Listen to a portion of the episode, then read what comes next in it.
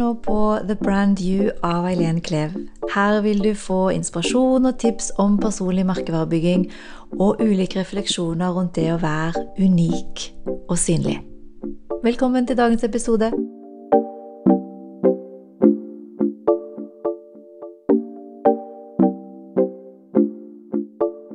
Nå sitter jeg her med Steinar Ditlevsen, en av mine favorittmentorer når det gjelder foredragsholdere og lære foredragsholdere til å følge hjertet. Du er jo mannen bak Heart Power-eventene. Og du er jo også European Transformational Teachers Gathering, eller ansvarlig for den gathering i Alicante, er det det? Mm, Det er i Alicante. over hele, hele Europa, egentlig. Ja. Kan du si litt om eh, hva du gjør? Hva er denne Transformational Teacher Gathering-eventet? Ja, Mm. så ja, altså, jeg, har jo, jeg starta jo som eh, foredragsholder Ja. og holdt seminarer.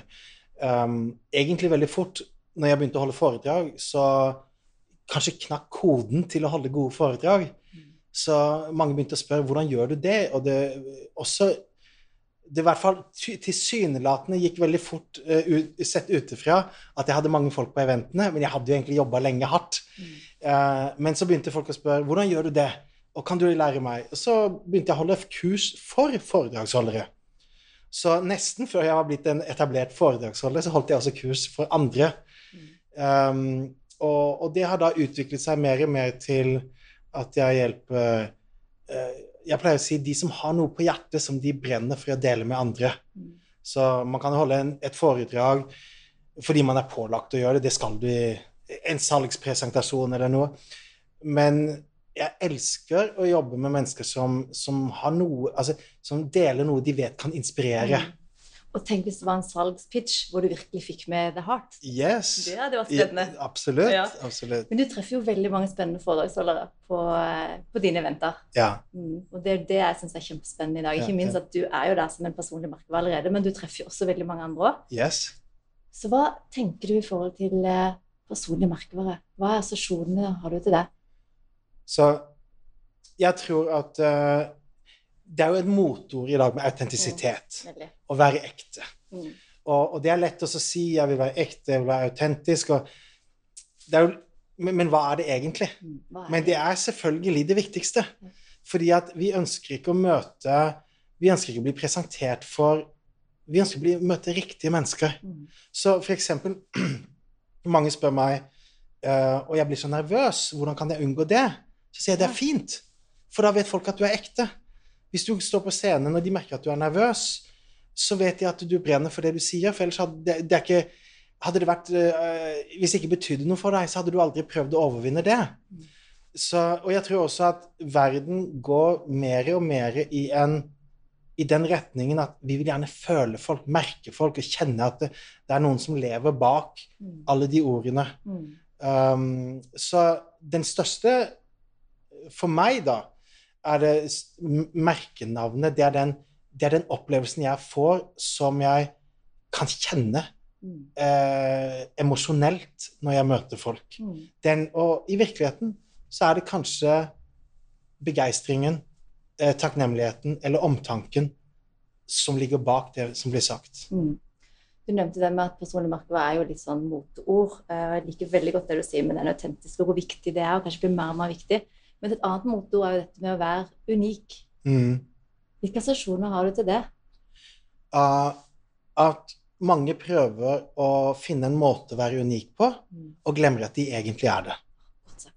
Så, for vi, vi, det fins ingen andre Eileen, det fins ingen andre Steinar. Så vi prøver ofte å gjøre ting, og først kanskje vi prøver å, å, å, å tilnærme oss kanskje noen idoler eller noen som forbilder, og så prøver vi å gjøre noe unikt i tillegg, så vi blir litt Får litt sånn um, uniqueness. Mm. Men i virkeligheten, hvis jeg bare hadde tør å være meg uh, helhjerta, Mm. så, så er jeg jo unik. Mm. Um, og noen ganger så er det vi kanskje prøver å unngå som vi Jeg hadde f.eks. da jeg, jeg, jeg bodde i, da, i København, Mm. og så var jeg skulle jo snakke dansk da som foredragsholder. Og, og i Danmark så er de ikke alltid så tolerante for språklige nyanser. For de er ikke så vant til di dialekter.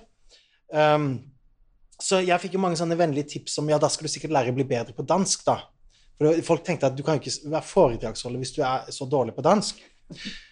Uh, men det var jo meg. Og i det øyeblikket jeg kunne eie det som jeg faktisk trodde var min svakhet, så ble det min uniqueness som folk i dag Jeg trodde jo at det ville være vanskelig, og mange andre også. Eh, da jeg så fikk suksess, så sier de det er så lett for deg fordi at du, du har den sjarmerende aksenten. så, de ja. Ja. Så din uniqueness er både det du tror er ditt talent, men noen ganger også det du tror er din uh, ulempe. Ja.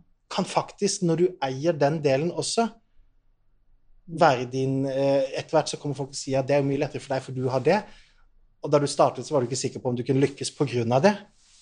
Men hva var det som gjorde at du hadde mot nok til å gjøre det når du skjønte at alle rundt deg kom med velmenende råd om kanskje du må lære litt bedre dansk, og likevel gjorde du det? Hva var det som drev deg da? Jeg tror for meg var jeg heldig at jeg oppdaget at det var en eh, amerikansk foredragsholder i Danmark som snakka med et stor amerikansk aksent. Mm. Forskjellen på han og meg var at han var veldig suksessfull innenfor sport. og så jeg, I starten så tenkte jeg det kan han gjøre fordi han er suksessfull. Og plutselig på en tidspunkt så skjønte jeg nei, det er fordi han ikke bryr seg. Han er bare seg selv. Og i det øyeblikket så endret alt seg for meg. Så begynte folk å tenke at ah, han er ikke bare en nordmann som ikke snakker ordentlig dansk, men han, han er, det er faktisk en sjarme ved det. Men jeg måtte finne det sjøl i meg først. Eller faktisk eie det. Tok litt tid. Men det, det var en nøkkel, altså. Kjempebra. Hvis du skulle hvis du tenker på det å være unik eh, personlig merkevare, og skal tenke på det som en eller for så vidt den autentiske også, som du også har nevnt du skal tenke på det som en farge, hvilken farge kommer opp for deg da? Det Um, spørsmålet har du ikke fått før. nei, det har jeg ikke fått. Og jeg fikk tre farger fort opp i Ja, hodet. Og jeg, jeg kan ingenting om farger, så jeg aner ikke. Det er ikke noe fasit. Nei, den første jeg fikk, var en, en slags grønn turkis, og den neste var oransje, og den andre var en knall dyp eh, lilla fiolett farge. Ok, hva, var- ligger- hva assosierer du med de fargene? Jeg har egentlig sterkest forhold til de to siste. Ok? Ja, den, den, den, eh, den kraftige oransje solfargen Mm. uh, syns jeg har masse energi i. Uh, og den lilla ligger vel kanskje en eh, Det ligger vel kanskje en, en omtanke i den. Mm. Og hva tenker du omtanke i forhold til det med å være unik? Jeg tror at Jeg fikk et spørsmål på ja, en, en, en sånn eh, mastermind som jeg nettopp har hatt i Oslo i går, i, i, i, i, her for noen dager siden. Og da var det en som spurte hvordan blir jeg autentisk. Ikke sant? Ja. Og da tror jeg at uh, autent autentisitet ligger i det øyeblikket du tør å hvile i din Når du sier noe som foredragsholder, Mm. at det kommer fra en intensjon 'Jeg vil gjerne hjelpe deg'. Det er din omtanke. For du kan ikke, du kan ikke stå opp foran noen og si jeg, Du behøver ikke si det med ord, men det ligger i ditt vesen 'Jeg er her for deg i dag'. Mm. Så det vil si, min intensjon er omtanke.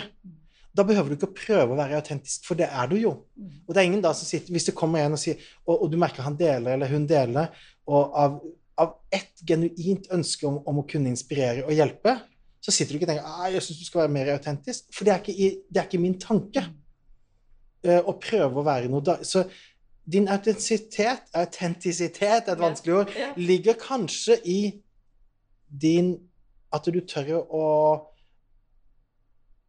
å vise din omtanke.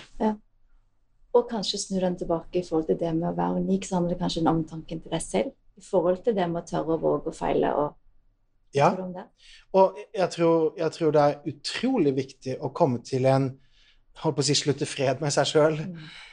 Veldig mange er veldig ambivalente.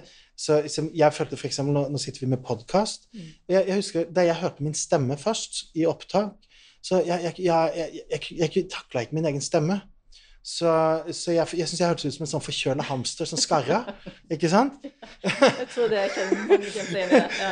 Men jeg måtte slutte fred med det, og jeg måtte eie den også. På en måte komme til et sted hvor jeg kunne elske min, min stemme. ja, hva gjorde du da? Bare hørte han mange ganger nok til at du ble Det kan nok være at det har hjulpet. Ja. Men det samme er mange har personlige historier, og så tenker de ah, men jeg, jeg, har ikke de, jeg skulle ønske jeg hadde en historie hvor jeg klatra til Mount Everest, eller bygde en, en business opp fra null til ti millioner på et halvt Mm. år, eller jeg hadde vunnet en medalje. Jeg har bare sånne hverdagshistorier.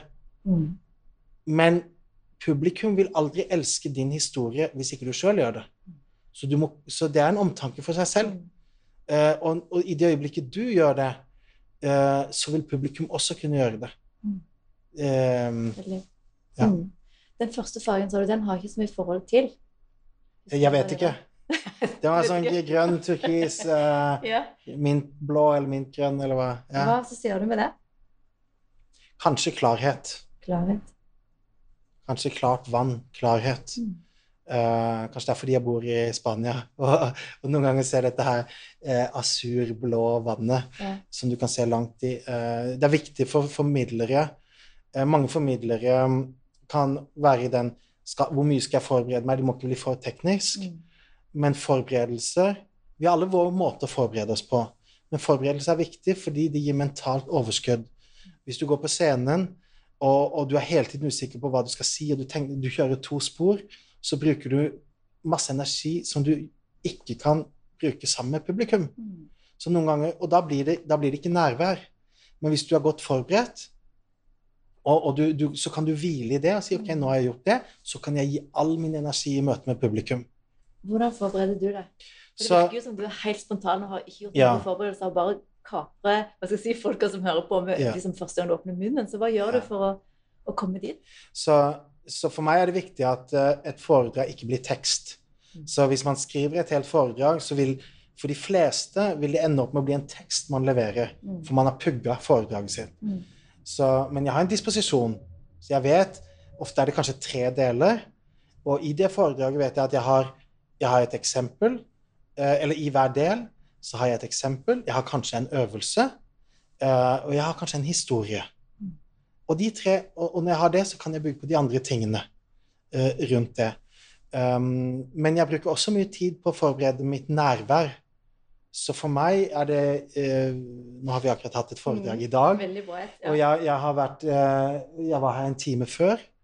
Og eh, jeg har da en, en sånn som jeg gjør, at Ja. jeg, jeg, jeg sitter ofte på scenen hvis jeg kan nå det. Hvis ikke kan jeg gjøre det fra, fra avstand.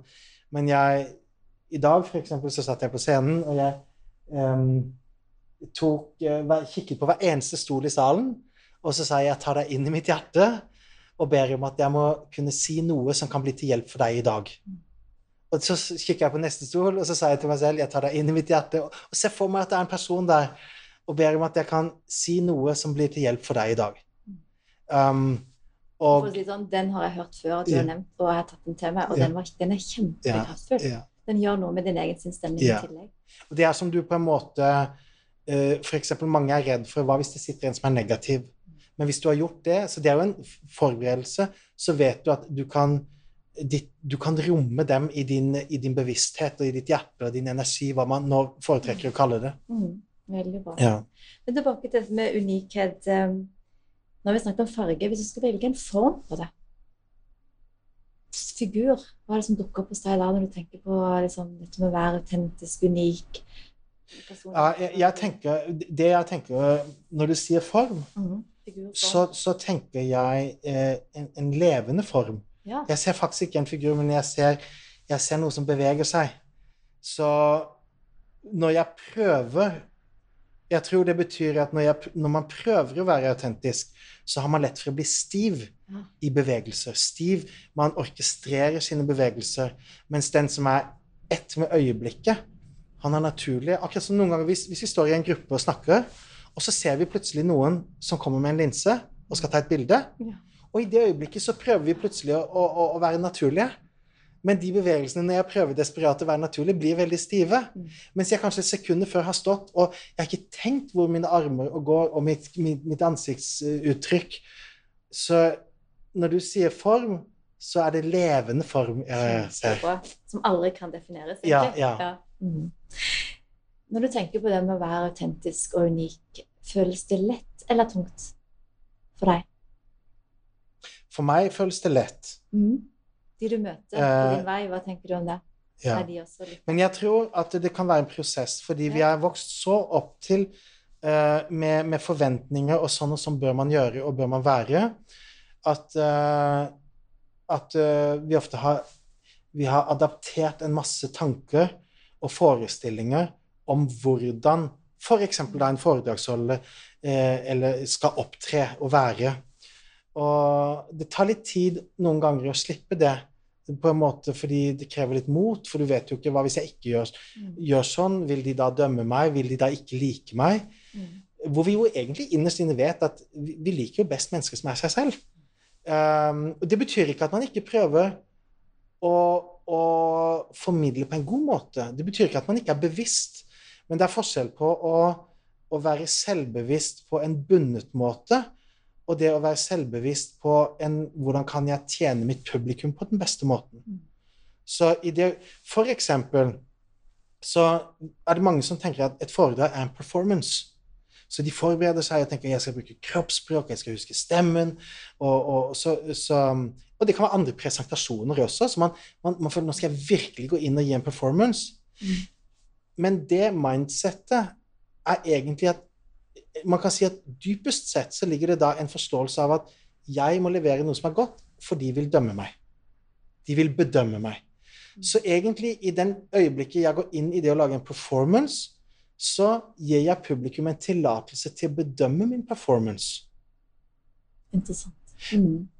Det fins en annen vei, og det er å si OK, jeg er her for deg i dag. Jeg er her for dere i dag. Jeg vil gjøre alt jeg kan for at dette blir levende, for at dette blir klart, for at det blir formidlet på, på en, en, en, måte som det er lett å ta imot. Så på, på, mange måter så bruker man da også kroppen, man bruker stemmen, men man, ens fokus er 'jeg gjør det for deg', og ikke 'jeg gjør det for meg'. Når jeg skal skape en performance, så setter jeg meg faktisk ubevisst i en situasjon hvor publikum dømmer meg. Men ingen dømmer deg når du går opp og er en, si, en tjener. Da tenker ikke folk på det. Det er akkurat som du gir en gave til noen. Hvis du kommer og du merker at her er det noen som virkelig har lagd en gave, eh, forberedt en gave fordi de har lyst til å gi deg en gave, så sitter du og ah, da må jeg bedømme eh, om papiret er godt nok. Du, du, tenker ikke på emballasjen da. Du går bare inn og sier Nei, har du lagd den for meg? Så veldig ofte er vi jo redd for hva andre sier, hvordan de vurderer meg. Men ingen vurderer når de merker din omtanke, når de merker at du er her for meg. Og når du sier det nå, så, så, så, høres det så lett ut. Har det mm. alltid vært lett for deg? Uh, nei. nei, nei, nei, langt ifra. Og, og, jeg har stått på scenen og prøvd å, å vise godt kroppsspråk og, og, og sånn. Men det faktisk var her i Oslo at det gikk opp for meg. Og det var på en konferanse hvor jeg sto backstage. Det var en, en ganske stor konferanse, og noen temmelig sånn store navn innenfor public speaking fra USA var der, og, og, vi skulle liksom varme opp, da, og der sto de og lagde karatebevegelser, og så sa de 'I am awesome' og I, I am great' og sånn. Og, og, da fikk jeg, og det har jo jeg også, de sånne selvaffirmasjoner har jeg også gjort. Mm. Ikke sant? Jeg er god og så. så plutselig så, så, så, så ble det bare så merkelig for meg. Og så fikk jeg den tanken Hva hvis du hadde sagt 'publikum er awesome', 'publikum er amazing'? Og så tenkte jeg så fikk Jeg vet ikke, men den kom bare, den tanken. Og der og da sto backstage, så tenkte jeg nei, jeg, jeg går, den veien skal jeg ikke. Så jeg, jeg, vil si publikum er fantastiske. Så jeg sto bak. Jeg, jeg, møter et fantastisk publikum i dag. Jeg møter fantastiske mennesker. Jeg vil gi alt jeg kan for dem. Så jeg gikk som sistemann opp på scenen. Og det hadde faktisk ikke vært noen som hadde fått stående applaus. Og det fikk jeg. Og alle snakka om det foredraget etterpå, og jeg var kanskje den eneste som har kommet uten å få betaling. For alle de andre var sånn berømte foredragsholdere. Og da skjønte jeg det de sa. 'Du traff meg i hjertet', sa de. 'Du rørte meg'. Og så tenkte jeg ja, jeg prøvde ikke å lage noe performance. For da bedømmer folk med hodet. Ikke sant? Er det en god performance? Og, og noen ganger sier folk 'Å, han er så god', han, eller hun er så, hun er så dyktig'. Men da, det er jo fra hodet. Og det er mye bedre at, uh, at de kan merke det og si 'Oi, du traff noe i meg'. Det er mitt ønske når jeg møter publikum. Og du er jo en transformation teacher. Hva er det norske ordet forresten for det? Ja, det er jo virkelig det, vet du, Der kommer språket til kort. Og, og, når man har bodd så lenge i Danmark, og sånn som jeg har, så, så blir man jo helt forvirra. Uh, så jeg sier transformation ja, teacher. Transformation teacher. Uh, men, men det, det, handler jo om at forskjell det, Vi er i en tid nå hvor du kan være foredragsholder, og så kan du dele kunnskap, viten. Så det, du er egentlig en vitensformidler. Og så kan du også være en foredragsholder med ønske å virkelig kunne inspirere til forandring og forvandling. Og kan du det, så folk går hjem fra deg og sier 'Jeg tok en ny beslutning i dag'. Det møtet med deg endrer meg. Noen ganger går vi hjem og sier 'Ja, hm, det var faktisk en del ting, punkter der som jeg ikke har hørt før. Mye interessant'. Mm. Så vi er oppe i hodet. Og andre ganger går vi hjem, og så sier vi 'Oi, jeg er ikke den samme som jeg var'. Og den slipper kanskje aldri. Ja, og Noen ganger så slipper den aldri. Mm. Og du går hjem, og du merker at noe skjedde i meg. Jeg fikk en inspirasjon, en, en, en em, eh, motivasjon som jeg ikke har hatt før. Og noen ganger så er det skjedd. Altså, det, det, det skjer mens du hører på. Jeg går hjem og sier 'jeg er ikke den samme i det hele tatt'. Det er transformational teaching. Og det opplever jeg i hvert fall at du har vært eh, og er. Jeg var jo på Alicante sammen med deg, og det er der mitt konsept med, med merke, personlig merkevare har på en måte fått eh, gnisten og sett lyset. Så, og du treffer jo veldig mange spennende transformational teachers i Mm. tillegg til at du er en selv.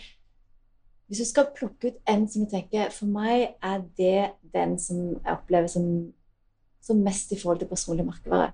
Sterkest på personlig merkevare. Sånn som du tenker. Her er det jo ingen fasit. Så Hvem er den første du tenker på når du tenker på en personlig merkevare? Transformational teachers. Eller kanskje det er en som ikke er transformational teacher. jeg, Den første jeg tenkte på nå, og kanskje det, du nevner Alicante Vi hadde seminar siste år. Og jeg eh, da inviterer ofte noen virkelig dyktige speakere til å komme med meg. Mm. Og plutselig på Facebook poppa det opp en som jeg ikke kjente. Jeg hadde hørt navnet, og vi var faktisk connecta på Facebook, men vi hadde aldri snakka sammen. Uh, hun heter Andrea Pennington. Og Andrea da, hadde en kjempekarriere hos Oprah Winfrey, show ekspert på Oprah, Dr. Oz, hadde egen, eget TV-show på Hel Discovery Health Channel. Så et sånt kjempenavn i USA og, øh, øh, og en kjempekarriere. Jeg ser en film hvor hun forteller at hun fulgte sin soul journey og flytta til Provence i Frankrike og forlot hele den verden. Mm. Og, og, og du vet, når du er Når du er på Oprah Winfrey, Dr. Oz, uh, Discovery Health Channel, CNN, alt det der, og du er et stort brand, Mm. så sa farvel til den og dro dit. Til, til, uh, og de hørte en film om og tenkte oi, her er det noe. Så jeg ringte henne og sa du har ikke lyst til å komme på mitt seminar, vel? Og jo, det hadde hun lyst til. Og her er det en, en, en kvinne som, som er en stor og har hatt en fantastisk TED-talk og er veldig kjent. Uke, altså Bare et par uker etterpå skulle hun holde et, et eh, foredrag på en stor stor scene i London med Gary Vaynerchuk og Andrea Pennington. Så det er meganavn.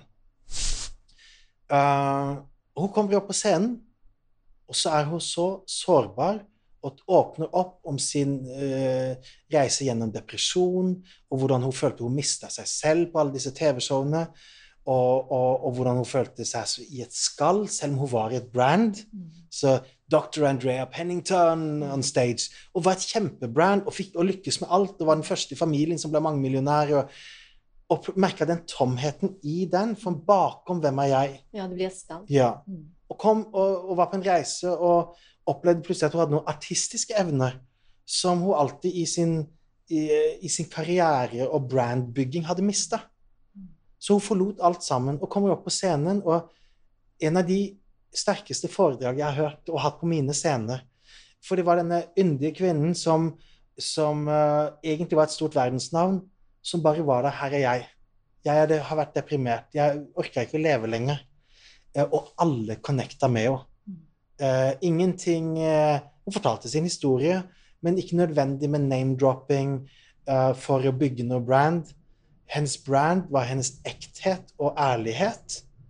Og hun trodde faktisk, hadde også fortalt meg at hun var litt Hun hadde forberedt en eh, presentasjon, men når hun hørte min, så tenkte hun jeg må legge den til siden. Og så lagde hun en nærmest spontant, hvor hun var mye mer åpen. Og hun sa den fineste opplevelsen hun har hatt også, når hun torde å være den hun var, og ikke Dr. Andrea Pennington. Um, og den vei har hun fortsatt, og s- har nettopp utgitt en bok hvor hun også skriver om den opplevelsen, Den faktisk. ja. Hun skriver om det seminaret og om det foredraget. For også for henne så gjorde det noe. Og kun, så, så hennes virkelige brand var jo ikke hennes navn og hennes historikk. Det var det møtet vi fikk. Og det var så mange som ville jobbe med henne etterpå. Hun fikk masse kunder på det etter det. Så bra. Hva er det du Hvis du skulle beskrive noen adjektiver i forhold til eh, det brandet som du så, som kanskje var innenfor det skallet som du tidligere hadde hatt som sitt brand, Hvis du skal oppsummere det med noen adjektiver Autentisk er jo veldig tydelig, men er det noen andre som du vil trekke fram som sånn Um, sårbar. sårbar? Mm. Eller, eller mot til å være Mot, sårbar. Ja. For det krever stort mot. Mm. Uh, uh, det, det er kanskje ikke et ord som vi bruker så ofte i, uh, i, um, i denne sammenheng, men det er en slags grace. Det er noe graceful, noe, noe, noe veldig elegant og vakkert med mennesker som tør å hvile, som hviler i seg selv. Eh, så vi kan bli litt sånn den hardheten når vi prøver å være noe. Men når, når man kan slippe seg ned der og stå i sitt eget lys, i Mm. sin egen fortelling, uh, så er det noe Vi har ikke noe godt ord for det på norsk, men eh, graceful Mm. Føler jeg at liksom, helt tydelig. Er det noe du ser igjen hos andre også? Som Ja. har, ja. Ja, absolutt. Så det er de samme ordene som du Absolutt. mm. Eh, Vi har jo sett på det med unik og perfekt, og Mm. hvor viktig det er å ikke være perfekt. Men hva tenker du i forhold til eh, synlighet? mm. Det er mange som har veldig gode historier og er veldig autentiske, men Mm. stoppes litt i Ja. forhold til dette med synlighet. Hva Ja. tenker du om hva assosierer Så, så synlighet? synlighet i dag er f.eks. sosiale medier, som er jo et enormt fantastisk verktøy til å komme ut med et budskap som kan inspirere andre. Mm. Og så opplever veldig mange at idet de gjør det, så blir det plutselig så sier venner og kjente at hvorfor er du sånn TV-reporter, du er så stiv og du er så belærende, og så orker ikke folk å se på det. Uh, så i forhold til synlighet så er det jo første skritt er jo at det krever noe mot. Mm. Uh, og, og for veldig mange så har de en feilkobling. At de tenker at da må jeg bli bedre, da må jeg bli dyktigere og til å, altså, mer profesjonell. og Mm. Jeg må kjøpe meg en bedre mikrofon, eller jeg må ha eh, Men i virkeligheten Det liksom. skal være så Ikke sant? Så ingen kan ta meg på det. Mm. Og så blir man litt stiv i det. Og, og mange gjør også den, den, den feilen at de prøver å være noe de egentlig ikke er. Så for eksempel, kanskje er man nettopp utdanna coach eller noe. Så, så prøver man å pumpe opp en erfaring istedenfor å si Hei, jeg er, nett, jeg er nyutdanna coach. Har du lyst til å følge meg på min reise til å bli mer erfaren? Og hadde man delt, så hadde alle så hadde folk sagt ja, det vil jeg gjerne. Se hvordan det går. Hvis man jeg er coach, bla, bla, bla, og så prøver man å gjøre noe stort som egentlig ikke er det. Mm. Istedenfor å møte folk med, med begeistring og si ja, det, nå skal jeg, fort- jeg skal fortelle de store, mine store øyeblikk i min coachutdannelse og hva jeg eh, opplever med de klientene jeg har nå. Og så har du lyst til å følge med på det, så vil jeg elske å inspirere deg. For vi, hvis vi kan få frem det, så vil mange følge. Men mye av grunnen i dag til at man at kanskje også folk ikke føler de treffer i den når de skal være synlige, eller blir i tvil, det er det at de er altfor selvhøytidelige, eller prøver, å ska prøver kanskje å skape et brand Mm. istedenfor å bare være seg selv, som er deres riktige brand. Og hva er tipset da, når du har en, møter en som Ja. har de utfordringene, og Ja. føler den der Ja. følelsen at alle eventuelt bedømmer de, eller hva er liksom Tip- Tipset er å begynne å bruke medier som Snapchat og Instagram. eh, Stories på Instagram, f.eks. Det er ikke forventa at du Du kan ikke gjøre stories i studio. Nei. Eh, og hvis du gjør det hver dag og legger noe på stories For det er nesten, det er nesten designa til å gjøre det spontant. mm. Og, og gjør du det hver dag i 30 dager, eller bruker Snapchat og filmer, så venner du deg til at du kan gjøre det impulsivt, Mm. og at du overlever. Og at det er ingen som dømmer deg på det. Folk liker det. Uh, så det er mitt tips. Istedenfor å bruke Facebook og YouTube, hvor du hele tiden føler at det må bli bedre, gjør det på Instagram, Stories eller Snapchat. Uh, tren deg sjøl i å gjøre, og bare fiske opp mobilen og gjøre noe on the go. Mm. Hva gjør du? Uh, jeg har jo hatt faktisk i Jeg har gjort utrolig mange film, flere hundre film opp igjennom mange år. I sommer så plugga jeg litt ut. Fordi jeg følte jeg, jeg har gjort så mange i, i så mange retninger, så jeg hadde tid til å gå inn og finne ut hva jeg virkelig skulle gjøre. Uh, jeg har begynt å bruke Instagram. Jeg elsker den. eh, nettopp her for et par dager siden så lagde jeg en story i en, i en butikk nede på Tanum i Karl Johan. Uh, og syns det er kjempegøy. Mm. Og jeg kommer til selvfølgelig fortsette med Facebook. Um, Mm. det, det er klart.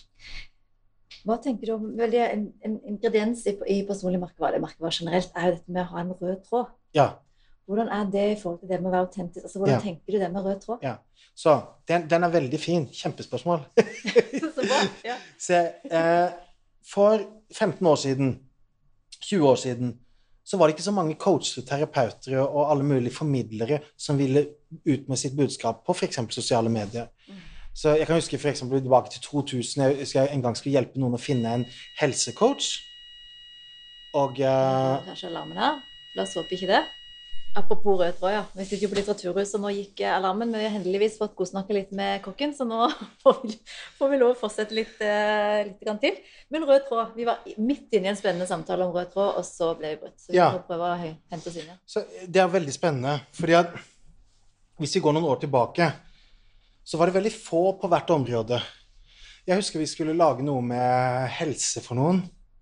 Og I Norge så det var dr. Lindberg og det var Grete Rode, noen få navn. Mm. Men tenk på helse, vekttap, eh, mat, ernæring. I dag det er jo det er hundrevis. Altså det, det er så mange, det er, det er jo ikke nærmest en landsby uten at det er to-tre kostholdseksperter som også skriver noe på, på Facebook og, og rundt omkring.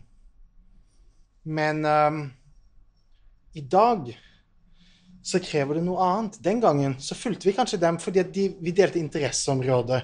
Det var kanskje meditasjon eller coaching eller businessutvikling. Det var noen få, og vi fulgte dem fordi de snakka om vårt interesseområde. Mm. Mm. Veldig mange formidlere i dag og, og, og personlig brand bruker veldig mye tid i dag fortsatt på å snakke om noe. Eh, men hvis du bare snakker om noe, så er det bare et tema. Mm. Og noen få mennesker de har et budskap i det de sier. Så du kan, du, så, og det er det budskapet er din magnetisme. Mm. Så hvis du bare, Ellers kan folk bare lese en bok. Så her er fem tips til ditt og datt. Ja, det er fint nok, det. Men av og til så kommer det opp en artikkel, og noen ganger så er det sånn fem tips. Tenker vi, ok, fint nok, Det hadde jeg ikke tenkt på, men det er greit. Noen ganger så ser vi den artikkelen, eller det kan være et webinar eller en video. Hvem er det? Og så googler vi det navnet. Jeg må ha mer av den personen Mm. fordi den treffer meg. Og det kommer i at de ikke bare snakker om et tema, men de, de har en, en, en, et budskap i det. Mm. Som eh, en invitasjon til noe mer. Så noen ganger selvfølgelig Oi, det, det er som jeg blir invitert til noe. Det er magnetisme i det som blir skrevet eller sagt. Mm. Og det er den røde tråd. Og den bør være en rød tråd. Og jeg tror, alle, jeg tror, jeg tror egentlig at alle mennesker, summen av vårt liv, gjør at vi har et unikt budskap. Jeg tror faktisk at alle har et helt unikt budskap. uh, som bare du og bare jeg kan fortelle på den måten. Vi må bare finne det. Og kan vi finne det? Ja. Ja. Og for, for meg var det, det var en som sa til meg en gang Steiner, du snakker om marketing og, og salg og alt mulig for coacher og sånn, men det du egentlig gjør, det er at du får oss tilbake til hjertet. Og da tenkte jeg oi.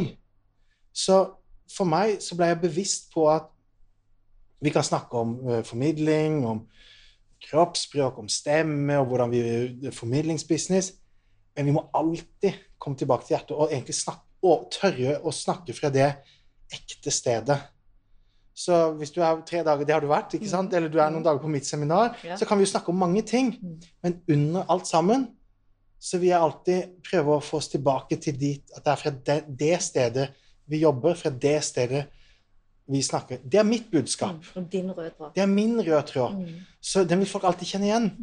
Eh, I dag er det så mange ting, så noen ganger så ser vi en artikkel, så leser vi ok, fin nok, og så er vi videre til en annen en, eller vi er på et nyhetsbrev en uke. Mm. Men det er noen mennesker som du henger på hele tiden. Det er fordi de har en rød tråd. Det er fordi de har et budskap, en invitasjon, og det er hele deres magnetisme. Hva er tipset for å finne den hvis den er litt gjemt? Hvordan finner man den røde tråden, tenker du? Så det, det er også merke etter hva er det egentlig jeg ønsker, hva er det egentlig jeg syns er viktigst at de forstår. Hva, hva er det innerst inne som er det aller viktigste for meg, hvis de går fra meg? Hva er den tingen jeg ønsker at de sier? Det jeg hørte i dag, i dette fantastiske foredraget, det var at Hvis de bare kan si én ting etter at, hva er det? Det er det du brenner aller mest for. Det er kanskje ditt budskap. Mm. Så du kan ha mange ord rundt det, og mange, eh, mange eksempler, men innerst inne så er det det de må bare ikke gå hjem. Det er kjernen. Det er det viktigste for deg. Mm. Og så kan en annen holde et foredrag om akkurat samme tema, men det er noe annet som, som de har som budskap. Kjempebra forklart. Ja. Mm. Hvordan var du som barn i forhold til hvordan du er nå? Har du Så- alltid vært eh, For du er jo veldig karismatisk, du er god til å fortelle, du er eh, ja, og du driver jo nå og, og har hatt transforma- Transformational Teachers Gathering og Ja. har masse spennende mennesker rundt deg og, og virker veldig utadretta og utadvendt. Hvordan var du som barn? Så Jeg var nok alltid regna som utadvendt. Mm. Uh, men når jeg ser tilbake, så elska jeg de timene hvor jeg var aleine i skogen og lekte indianer. Og hvor jeg satt og, og venta på at det kom noen dyr som aldri kom. Uh, men jeg satt med min pil og bue og var indianer og hjortefot. Ja. Og eh, gikk mange turer aleine også når jeg var tenåring. Så, men jeg var alltid en leder i klassen og, og, og på skolen, og, og en sånn type som folk tenkte som en, en, en eh, Også hadde lett for å inspirere andre. Mm. Så den har nok alltid ligget der. Alltid på en måte et, eh, var, var nok ofte egentlig en midtpunkt i, i en gruppe. Uh, men her i det siste året så har jeg faktisk skjønt at jeg er mye mer introvert enn jeg er uh, utadvendt. Okay. Og det var en sånn voldsom opp... Hvordan opplevde du, eller hvordan kom det en aha på at du Ja, En av grunnene var at jeg trakk meg litt eh, ut og ikke delte så mye hele tiden, for jeg fikk mer tanketid. Mm. Uh, og så fant jeg ut at eh, Så kunne jeg bare merke at jeg kjeder meg aldri aleine. Og, og hvis man har det sånn at man aldri kjeder seg aleine, så er man nok egentlig ganske introvert. Eh, og så er det noen mennesker Og det, det, det ene er ikke noe bedre enn det andre, vi er bare forskjellige. Og noen mennesker får energi i møte med andre. Det får jeg også, og jeg elsker å være på seminarer. Og, uh, men, men folk ville nok være overraska hvis de visste hvor introvert jeg egentlig er. Det betyr ikke at jeg er lukka, for det er ikke min type. Men det betyr at uh, jeg elsker egentlig min, å kunne være i min egen indre stillhet. Er det sånn du får energi til å kunne være så Ja. til stede og gi så mye? ja. Mm. Ja. Mm. Men Er det noen skjulte talenter du ikke har brukt ennå, som du hadde som barn? Oh. Skyte med pil og bue. Ja, for eksempel. Ja. Uh, jeg um, Ja, det var et eh, utrolig spennende spørsmål, og det er det jo kanskje. Det hadde vært veldig spennende. Ikke sikkert i det nei, hele tatt. nei. Men jeg har blitt mer opptatt av at uh, jeg tror at den sånn vi var som barn, Mm. er mye nærmere vår autentiske jeg enn det vi ofte er blitt som voksne. Mm. Det kan jeg se. At, uh, at kjernen i hvem jeg var, er veldig tydelig å se hvis jeg går tilbake til 10-12-årsalderen. Um, så Vil du si litt mer om det?